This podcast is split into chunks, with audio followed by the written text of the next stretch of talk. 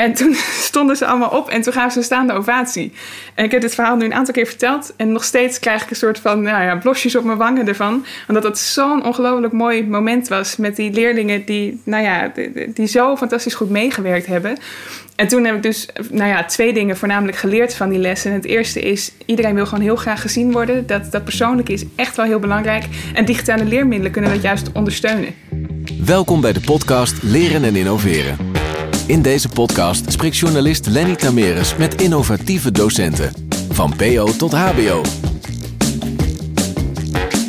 Het zijn alumni van de Master Leren en Innoveren. Voor een frisse en genuanceerde blik op vernieuwingen in jouw onderwijspraktijk. Dit is een podcast van Hogeschool in Holland. Welkom bij de podcast.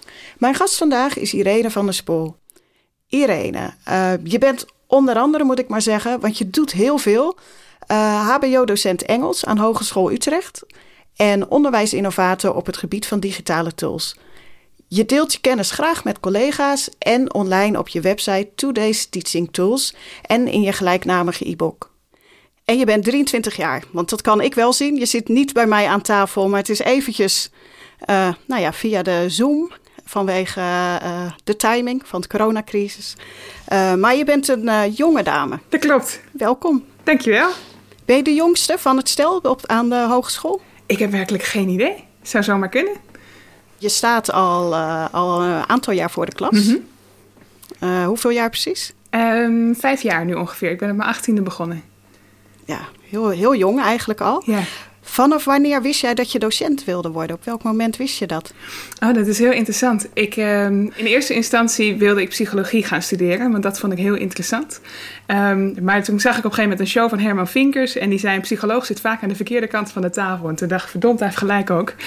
Uh, misschien moet ik dat maar niet gaan doen. Ben ik daar nog niet zo klaar voor? Zeker niet op die leeftijd toen nog. En toen werd eigenlijk door een aantal docenten van mij, naar aanleiding van dat ik wel eens een les overnam om gewoon zomaar wat uit te leggen, omdat ik dat grappig vond, werd gezegd van, goh, is dat docentschap niet wat voor jou? Um, en toen ben ik daarover gaan nadenken. Ik dacht, oh ja, wil ik eigenlijk wel proberen. Um, maar dan moet ik kiezen, biologie of Engels. En dat wist ik niet zo goed, dus toen heb ik het allebei gedaan. Dus als, als tienermeisje nam jij de klas al over? Ja, ik was op een gegeven moment junior mentor. En dat houdt dan in dat als je in de bovenbouw zit, dat je dan een brugklas extra begeleidt, zeg maar. Um, en dat was ik aan het doen. En toen heb ik ook af en toe biologie, vond ik dus bijvoorbeeld heel interessant. Um, en die docent die dat gaf, uh, daar kon ik het heel goed mee vinden. Dus dan nam ik af en toe zijn les over bij die brugklas waar ik dan junior mentor van was. Dat soort dingen. Was hij ook je voorbeeld? Heb je een bepaalde docent van vroeger die jouw voorbeeld is? Ik had een heel aantal docenten waar ik heel erg tegen opkeek. En daar was hij er af, uh, absoluut ook eentje van. Um, ik vond vooral docenten die oog hadden voor het persoonlijke. Dus echt voor de leerlingen en dan kijken wat, wat zij nodig hadden. Dat vond ik heel inspirerend. Kun je een voorbeeld geven van iets van vroeger wat je nog zo voor je staat dat je dacht, ja, dat is echt fantastisch? Oh, dat is lastig, want het is een relatief heftig voorbeeld. Maar mijn moeder is overleden toen ik 15 was. En toen zat ik natuurlijk uh, op school. Um, en ik heb toen wel heel veel gehad aan docenten die mij daar heel erg de ruimte in gaven. En ook de tijd gaven om, om dat te verwerken en daarover te praten en dergelijke. Um, dus ja, ik heb daar ook wel een bijzondere positie in gehad, denk ik dan. Want dat ontstaat dan ook voor een deel. Um, maar ik durf met heel veel zekerheid te zeggen dat ik echt niet was geweest waar ik nu ben op het moment dat die docenten me daar niet zo goed in hadden opgevangen. Hoe heeft dat bepaald wat voor soort docent jij nu bent? Um, dat vind ik een interessante. Uh, ik denk dat het voor mij heel erg uh, heeft gemaakt dat ik het dus echt heel belangrijk vind om oog te hebben voor nou, inmiddels studenten, maar eerder uh, mijn leerlingen, zeg maar. Ik vind het echt belangrijk dat het mens eerst komt en dat we dan samen kijken naar hoe kunnen we jouw leerproces zodanig vormgeven dat jij op een prettige, op een goede, op een veilige manier Um, ja, nieuwe stof tot je neemt, zeg maar, nieuwe vaardigheden tot je neemt. Dus voor mij is het uitgangspunt eigenlijk altijd wel de persoon. En dat zal vast niet altijd lukken in de praktijk. Er zullen vast ook studenten of leerlingen zijn die dat niet zo hebben ervaren. Uh, maar ik probeer dat wel heel erg op die manier vorm te geven, omdat ik echt denk dat het daar begint in een leerproces, bij de connectie. Ja, uh, dat is grappig, want daarmee wil ik meteen een bruggetje maken. Jij hebt uh, ook een eigen website, daarin schrijf je over het onderwijs en vooral over um, blended learning, uh, online tools die je kunt gebruiken. Mm -hmm. daar las ik een verhaal van jouw eerste echte ervaring voor de klas. En echt, mijn, mijn mond viel open. Waarom viel je mond open? ja, nou, omdat het volgens mij niet de gemiddelde ervaring is die uh, een, een startende docent heeft. Nou ja, vertel het zelf maar. nou, ik, het was inderdaad ehm, de eerste klas die ik mocht overnemen. Dat was een, een, eh, een groep, was een drie MAVO-groep. Uh, en die staan over het algemeen wel enigszins bekend om hun, hun gedragsproblemen ook. Het zijn vaak wel pittige groepen. En ik had vol enthousiasme op mijn achttiende dus gezegd... oh ja, tuurlijk, ga ik wel doen, geen probleem. En de, de eerste les naderde en ik dacht... Oh, waarom? Waarom heb ik dit gedaan? Ehm, en toen ben ik gaan nadenken van wat, wat maakt zo'n groep nou moeilijk? Want ik had natuurlijk ook al wel lessen geobserveerd en kleine lesjes gegeven als stagiair. Um, en ik dacht, wat maakt zo'n groep nou, nou moeilijk? En toen dacht ik, eh, wat het uh, wellicht lastig kan maken voor die leerlingen... is dat ze bepaalde aandacht zoeken, bepaalde aansluiting zoeken. En dat als ze die niet krijgen, dat ze dat op een negatieve manier vragen. Um, en dat is lang niet altijd zo, is wellicht heel generaliserend. Uh, maar over het algemeen dacht ik, wellicht is dat het. Dus wat ik heb geprobeerd is toen met behulp van digitale leermiddelen... want daar was ik zelf al wel aardig vaardig in... Um, heb ik geprobeerd om een les zo vorm te geven dat uh, eigenlijk bijna elke leerling op zijn eigen niveau, in ieder geval aansluitend bij zijn eigen interesse, kon leren. Want zeker bij Engels, dat vak gaf ik toen, um, zit er gewoon heel veel variatie in niveau. Als leerlingen heel veel gegamed hebben bijvoorbeeld, dan weten ze al een hele hoop meer. Uh, en sommigen zijn er helemaal niet mee in aanraking gekomen, moeten nog heel veel leren. Uh, en ik begon toen die les en ik had ze eindelijk stil, want dat duurde wel eventjes. Um, en ik zei, nou jongens, ik vind het allemaal echt wel heel spannend. Dit is mijn eerste les, maar ik heb echt heel erg mijn best gedaan. Geprobeerd een les te maken die bij jullie past. En ik wil jullie vragen, wil je het mij vertellen op het moment dat het niet bij je past? Want ik dacht, ik wil ze echt gelijk daarin betrekken. En dat zij ook vooral mogen aangeven wat ze nodig hebben. Dat vind ik heel belangrijk, dat ze daarin gezien worden. Uh, dus dat had ik gevraagd en ik was die les begonnen. En uh, die leerlingen hebben zo fantastisch goed meegedaan. Ik werd er zo blij van. Nou ja, jij kunt mij zien, dus je ziet mijn enorme glimlach ook op mijn gezicht. Um, en dat, was gewoon zo'n gave les. En ze zijn allemaal echt bezig geweest. En doordat die digitale leermiddelen dat leerproces ondersteunden, um, was ik dus in staat om bij iedereen langs te gaan, om eventjes contact te maken en echt gewoon persoonlijk met iedereen even contact te hebben. Um, en aan het einde van de les heb ik ze bedankt. Ik gezegd, jongens, dit was fantastisch hoe jullie meegedaan hebben. Waanzinnig trots op jullie, heel blij met jullie. En dank jullie wel ook voor deze samenwerking zo. Want dat was het naar mijn idee ook echt, een samenwerking. En toen stonden ze allemaal op en toen gaven ze een staande ovatie. En ik heb dit verhaal nu een aantal keer verteld. En nog steeds krijg ik een soort van nou ja, blosjes op mijn wangen ervan. Omdat het zo'n ongelooflijk mooi moment was met die leerlingen die, nou ja, die zo fantastisch goed meegewerkt hebben. En toen heb ik dus nou ja, twee dingen voornamelijk geleerd van die lessen. En het eerste is, iedereen wil gewoon heel graag gezien worden. Dat, dat persoonlijke is echt wel heel belangrijk. En digitale leermiddelen kunnen dat juist ondersteunen. Uh, dus ja, dat, dat was die eerste ervaring. Durf je dit, dit aan worstelende, startende leraren te vertellen? Uh, ja, want daarna heb ik nog echt vaak genoeg gefaald. Dus dat is geen enkel probleem. En het gaat ook heel vaak mis. En daar leer je ook ongelooflijk veel van. Maar deze eerste ervaring was voor mij wel zo'n uh, nou ja, stimulans om hier verder mee te gaan. Uh, ja, dat, wil ik dan toch wel meegeven. Maar er zijn genoeg momenten geweest dat ik ook echt geen idee meer had wat ik moest doen en hoe ik het aan moest pakken. En uh, ja hoor. En als ik stel dat ik uh, morgen bij jou aanschuif in de les, wat, wat zie ik dan? Um, als je bijvoorbeeld bij mij bij een les Engels aansluit, dan zul je zien dat ik eerst heel erg probeer iedereen welkom te heten. Daarnaast heb ik vaak met Nearpod bijvoorbeeld een interactieve presentatie. Dus dat je zowel de stof tot je neemt als gelijk al een aantal toetsjes doet. Um, en dan gebruik ik heel vaak samenwerkingsplatformen om online met mijn studenten ook al te kunnen samenwerken, zodat ze daar thuis eventueel mee verder kunnen. Um, ik heb er vaak ook nog weer even een quiz in zitten met uh, bijvoorbeeld een Kahoot of Quiz of Quizlet zelfs. Dat zijn allemaal vergelijkbare namen. Kun je hele leuke quizzen mee doen. En ik zorg ook altijd dat er een afsluiting is waarin iedereen even heeft kunnen laten zien, uh, voor zichzelf in elk geval, of ze begrepen hebben wat de doelen van die les waren. Dus daar sluit ik altijd mee af. Nou kwam ik ook iets anders tegen nog, uh, wat ik niet zo vaak hoor. Um, jij maakt ook digitale escape rooms? Ja, dat klopt. Um, wat, uh, ik, ik, ik, ik kan me iets voorstellen bij een escape room. Ik heb nog steeds op mijn lijstje staan om daar een keer heen te gaan. Lijkt me echt fantastisch om mee te maken. Heb je het zelf al een paar keer gedaan? Zeker, tot grote frustratie aan toe. Heel mooi. Uh, maar jij maakt ze digitaal als leermiddel. Hoe zit dat? Ja, wat ik doe is um, dat bijvoorbeeld je een bepaalde quiz moet maken. En als je de antwoorden goed hebt, dan verschijnt automatisch een linkje naar een volgende opdracht. Of naar een video waar dan weer clues in verstopt zijn die je dan moet gebruiken om op een webpagina te komen enzovoort. En heb je ook een voorbeeld? Ja, ik um, had nu de laatste week van afstandsonderwijs had ik onder andere ook een groep die ik nog Engels moest geven. Uh, business English was dat voornamelijk. Um, en dat was een afrondende les waarin ik eigenlijk alle vaardigheden nog even voorbij wilde laten komen. Dus schrijven en lezen, maar ook vocabulaire. Um, en wat ik gedaan heb, is dus uh, een, een ja, online escape room als het ware gebouwd. Waarin studenten dus bijvoorbeeld een quiz moesten maken. En als ze de antwoorden goed hadden, dan kwam daar automatisch een link uit. En dan konden ze naar een volgende opdracht. En uiteindelijk, als ze de laatste link hadden weten te vinden, zeg maar, dan kwamen ze weer terug in een videocall uh, bij mij. Dus dan kon ik ze feliciteren met hartstikke goed. Jullie hebben het goed gedaan. Je bent nu helemaal voorbereid op de toets. Uh, dus op die manier had ik dat ingezet. En wat was de reactie van je studenten daarop? Ze vonden het ongelooflijk leuk. Ze zijn er ook heel enthousiast mee aan de slag te gegaan. En het was zeker ook een variatie ten opzichte van gewoon een, een toetsje maken, een diagnostische toets, zeg maar, om te kijken of je het allemaal snapt. Ze wisten ook dat de uit, uh, het uit de escape room komen weer was dat ze jou weer zouden zien in nee, de dat wisten ze niet. Wat was hun reactie? Ze waren heel verbaasd en ze vroegen of dit het dan nu was, zeg maar. Ze zeiden ja, dat was het nu. En dat vonden ze ook wel heel grappig. Dus daar... Oh, ze waren niet teleurgesteld toen ze jou zagen? Nee, ja, ik kan ze niks bieden natuurlijk nu op afstand. Hè? Maar het was wel leuk, want ze bleven in die call hangen om te zien wie dan de volgende zou zijn die er ook bij zou komen. Een soort van wedstrijd werd het, wie er het eerste Precies, uitgekomen het werd een competitietje, was. ja. Je doet uh, ook veel op het gebied van onderwijsinnovatie voor jouw hogeschool. Mm -hmm. um, en dat heeft veel met online teaching tools te maken. Wat doe je precies?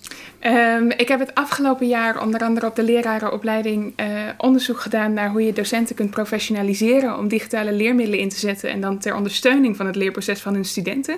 Uh, want ik vind niet dat je digitale leermiddelen zomaar in moet zetten. Het moet wel uh, een, een, doel hebben, zeg maar. Het moet didactisch verantwoord zijn in die zin. Um, dus dat vind ik heel belangrijk. En daarvoor, toen ik bezig was met mijn masterthesis trouwens, bij die uh, master leren en innoveren bij in Holland, toen heb ik dat op kleine schaal al gedaan. Want toen heb ik onderzoek gedaan naar hoe we schrijfvaardigheidsdocenten voor moderne vreemde talen, dus dat is eigenlijk een veel kleiner groepje, hoe die ondersteund konden worden om digitale leermiddelen in te zetten, om die schrijfvaardigheid van hun studenten dus ook te verbeteren. Uh, dus ik ben eigenlijk probeer ik steeds onderzoeksmatig bezig te zijn, daar dan ontwerpen uit te halen en die ontwerpen in te zetten om collega's te helpen. Al moet ik toegeven dat dat onderzoek en dat project op dit moment vanwege de coronacrisis natuurlijk wel stil ligt. Uh, omdat ik nu heel veel bezig ben met ondersteunen in afstandsonderwijs. en dat doen we iets minder onderzoeksmatig helaas. Daar is niet zoveel ja. tijd voor nu. Ja, je moet nu wat meer ad hoc collega's op weg helpen, bedoel exact, je eigenlijk? Ja. Ja, vanwege jouw uh, kennis en achtergrond.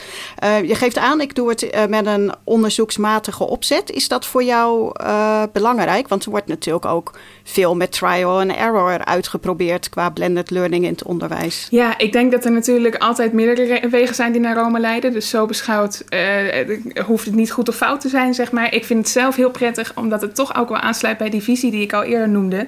Dat het begint bij wat iemand nodig heeft. En op het moment dat je onderzoek doet, als je een behoefteanalyse doet of een contextanalyse, ja, dan kun je heel goed bepalen um, wat, wat, is nou de wens van een persoon en in welke context moet dat uitgeprobeerd worden. En als je dat onderzoekt, vind ik dus dat je de, de deelnemers aan zowel je onderzoek als degene die wat aan jouw ontwerp gaan hebben, zeg maar, dat je die daarin dus ook serieus neemt. Die betrek je erbij, je vraagt echt actief wat heb jij nodig en hoe kan ik jou helpen, in plaats van ik denk dat dit goed voor je is, alsjeblieft. Ja, en, en, die mensen uh, waar we het nu over hebben, dat zijn collega-docenten van jou? Ja, uh, bijvoorbeeld. Ja, van de hele hogeschool dan eigenlijk. Ja, want het lijkt me best ingewikkeld. Je bent 23, dat zeiden we al. Uh, ik wil er niet te veel de nadruk op leggen, maar ik vind het wel, ja, sorry. ik vind het wel belangrijk, omdat jij. Um, nou ja, je, hebt een rol in de hogeschool om mensen op weg te helpen en onderwijs te verbeteren. En ik kan me voorstellen dat er collega's zijn die jou aanzien komen en denken: ja, maar hoeveel ervaring heb je nou helemaal zelf? Hoe oud ben je nou? Um, werkt dat niet tegen je, je leeftijd? Nou, ik was eerst dus ook student bij Hogeschool Utrecht en ik ben vanuit daar uh, aangenomen. Uh, dus dat was wel een lastige transitie in die zin. Um, maar ik heb fantastische collega's die gelukkig heel erg gewend zijn om samen te werken. En, en ik voel me daarin ook heel serieus genomen. Um, maar wat ik ook daarin weer belangrijk vind, is ook met beperkte. Uh, als, je, als je beperkte ervaring hebt, is het dus heel belangrijk om vragen te stellen. Om eerst te kijken, wat heb jij dan nodig? Um, en wat wel in mijn voordeel werkt, is dat het digitale aspect vaak toch wel als iets gezien wordt wat jongere mensen makkelijk oppakken. Uh, ik vind dat niet per definitie waar, maar zo wordt wel gezien en dat werkt in dit geval dan weer in, uh, in mijn voordeel. En waarom vind je dat niet waar? Omdat um, met digitale middelen kunnen werken, zeg maar, het hoeft niks te zeggen over hoe je dat dan ook didactisch goed inzet. En ik denk dat er een hele hoop collega's zijn die wellicht of meer ervaring hebben of daar meer kennis van hebben um, over, over didactiek in elk geval. Die dus haast nog makkelijker die transitie zouden kunnen maken um, dan mensen die wel technisch vaardig zijn, maar die didactiek nog niet echt eigen hebben. Dus het, het, zijn meerdere vaardigheden, zeg maar, binnen nou ja, één gebied. En wat ik dan digitale didactiek maar dat kun je allerlei namen geven. Ja, daar zit zoveel verschillende dingen in. Ik geloof niet dat je kunt zeggen dat een bepaalde groep dat beter kan op basis van één deelvaardigheid. Heb je zelf spijt van iets waarvan je denkt, nou, dat was misschien toch een verkeerde keuze om uh, daarop in te zetten? Oei, nee, want eh, niet echt. Omdat ik eh, bijna elke week wat anders doe. Dus wellicht is daar dat dan waar ik spijt van heb af en toe.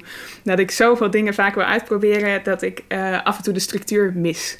Dus dan is voor mij nog heel duidelijk wat het doel is. En dan probeer ik daar verschillende dingen mee. En dan krijg ik terug van mijn studenten die zeiden... ja, het was echt allemaal heel leuk en enthousiast. Maar iets, iets meer structuur af en toe mag wel. Dus daar moet ik voor mezelf altijd heel goed op letten. Je gaat te hard voor de mensen die je mee wil nemen eigenlijk. Ja, ik heb vaak de neiging om iets te hard vooruit te rennen. Dus nu ben ik ook steeds bezig met dan weer terugrennen. Um, en dat vind ik niet zo erg. Maar uh, ik kan me voorstellen dat het voor sommige mensen lastig is. Hey, het is een beetje een gekke tijd natuurlijk. Je gaf het zelf al aan. Je komt nu niet aan je gewone projecten toe. Door de corona. Um, ik kan me voorstellen dat je ergens ook stiekem staat te juichen. Yes, iedereen moet nu met digitale tools werken. Iedereen moet online dit is de kans nee. voor innovatie. Nee, dit is niet de kans. nee, wat we nu allemaal moeten doen is onder hoge druk en hoge stress iets opleveren wat gewoon heel veel kost. En als je kijkt, als je, eh, ik vergelijk innovatieprocessen ook altijd heel graag met eh, gewoon een leerproces. Want dat is het praktisch ook. Op het moment dat jij iets moet innoveren, dan moet je eigenlijk heel veel vaardigheden en kennis ook eigen maken. Um, en wat nodig is voor een goed leerproces is een veilig leerklimaat. En in een veilig leerklimaat zit autonomie, competentie en relatie. Dat zijn de drie belangrijkste eh, factoren daarin. Um, en ondanks dat we natuurlijk veel contact met elkaar hebben, is die relatie nu niet optimaal. Want je ziet elkaar niet. Uh, mensen twijfelen ook heel erg aan hun competentie. Van kan ik dit wel? Ze vinden het moeilijk. En qua autonomie ben je ook heel beperkt door die hele hoge druk. Um, dus ondanks dat ik denk dat mensen nu de kans hebben om veel mogelijkheden te zien en dat dat ook zeker een mooie kans is, denk ik niet dat dit een, een veilig leerproces is voor veel, waardoor het um, denk ik lastig beklijft in die zin. Um, en ik sta zeker niet te juichen, nee. Kan jij lesgeven als de stroom uitvalt? Ja, absoluut. En dat vind ik ook juist heel leuk. En dat zit hem dus op dat um, het, het persoonlijke aspect voor mij belangrijk is en dat de didactiek altijd boven de tool staat. Dus ik heb heel duidelijk voor mezelf wat, wat een doel is, zeg maar, in die les wat ik wil bereiken. Uh, en op het moment dat dan vanuit het doel die tool eruit komt, dan kan ik die heel goed gebruiken. Maar als die tool weer wegvalt, ja, dan heb ik nog steeds dat doel en kan ik dat op een andere manier proberen te gebruiken. Dat is ook wel mooi in jouw verhaal, hè? want veel mensen zeggen van ja, door al die tools, de, allemaal leuk en aardig, maar het gaat ten koste van het persoonlijk contact. Mm -hmm. En eigenlijk is in alles bij jou de rode draad. Nee, je kunt die tools juist gebruiken om meer tijd voor dat persoonlijke exact, contact te hebben. Juist wel, ja. Ja, tools kunnen voor een groot deel dingen automatiseren. Dus dat zit bijvoorbeeld in die toetsen die ik net noemde. Dan krijg je automatisch die antwoorden en een overzicht van wie wat snapt en begrijpt. En ze kunnen dingen leuker maken als je aan een interactieve quiz denkt of een interactieve video of wat dan ook. Um, nou ja, dat, dat zijn naar mijn idee de twee grote uh, dingen die, die tools voor je kunnen doen. En vervolgens heb jij als docent dus de tijd voor die persoonlijke aandacht. En dat kan geen tool overnemen tussen die 18-jarige docent, hè, die applaus kreeg voor zijn eerste les, en nu heb je een enorme ontwikkeling doorgemaakt. Kun je een aantal momenten of mensen noemen die daarin bepalend geweest zijn? Ja, allereerst heel erg op de, op de lerarenopleiding natuurlijk. De docenten die ik daar heb gehad, daar heb ik heel veel inspiratie uit gehaald. Zijn inmiddels ook collega's en daar leer ik dus nog steeds ook heel erg van. Uh, en dat onderzoeksmatige, wat ik steeds noem, van beginnen bij de behoeften en de context en dergelijke. Ja, dat heb ik in die master ook wel heel erg ontwikkeld, omdat je dan zoveel bezig bent met, met onderzoek doen, maar echt praktijkgericht onderzoek.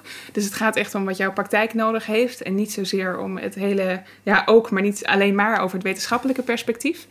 Ehm, dus eh, dat beginnen bij een vraagstuk en goed luisteren en dergelijke, ja, dat heb ik ook wel heel erg uit die master gehaald. En verder heel veel geleerd natuurlijk van mijn leerlingen en mijn studenten. Dat is een fantastisch mooie spiegel die je dan voor je hebt. En die ja, ook heel ad rem kunnen reageren soms. Als ik nieuwe schoenen had of zo en ik stond op de MAVO en ze vonden het niet mooi, ja, dan kreeg ik dat direct te horen. Dus incasseren leer je daar ook wel weer van. Um, ja, eigenlijk is een leeromgeving natuurlijk zo uh, geavanceerd en daarmee ook geïntegreerd helemaal in jou als persoon, dat het soms lastig is om dat uh, van elkaar los te koppelen. Maar de, die facetten die ik net noemde, die ik op die bepaalde plekken geleerd heb, ja, dat, dat wel heel erg. Zou, zouden die docenten die jou geïnspireerd hebben op de middelbare school trots op je zijn, denk je? Ik, ik weet dat ze dat zijn, want ze laten het me weten. Echt waar? Je hebt er nog ja. contact mee? Ja, oh, wat leuk. Dan sturen ze een mailtje of dan... Uh, of, of, een appje zelfs, dat? ja. Dat, van dat boekje dat ik had geschreven, dat heb ik dan ook weer gedeeld met die docenten daar. Daar krijg ik hele lieve, leuke reacties op. Ja. Oh, wat fantastisch. Ja. En als ik jou over tien jaar weer tegenkom, uh, in, de, in dat geval in een gezellig cafeetje met een bakje thee of een wijntje erbij. Wie ben je dan? Waar sta je? Uh, ik weet het niet. Ik hoop dat ik nog steeds bezig ben met onderzoeksmatig naar dingen kijken. Dat ik nog steeds uh, vragen stel. Um, en, en dat ik nog steeds begin bij de persoon. Dat hoop ik heel erg. Maar dit ga ik dan dus over uh, een paar jaar terug luisteren en kijken of het waar is. hey, heel veel succes met alles. Dankjewel. En bedankt voor je tijd en nou ja, een mooie ontwikkeling toegewenst. Bedankt voor het luisteren. Wil je meer frisse en genuanceerde verhalen uit het onderwijs horen? Abonneer je dan op deze serie via je podcast-app. En misschien is het na deze podcast een beetje gaan kriebelen. Wil je ook constructief bijdragen aan innovaties op jouw school? Kijk dan eens of de master Leren en Innoveren bij je past. Deze podcast werd je aangeboden door Hogeschool in Holland.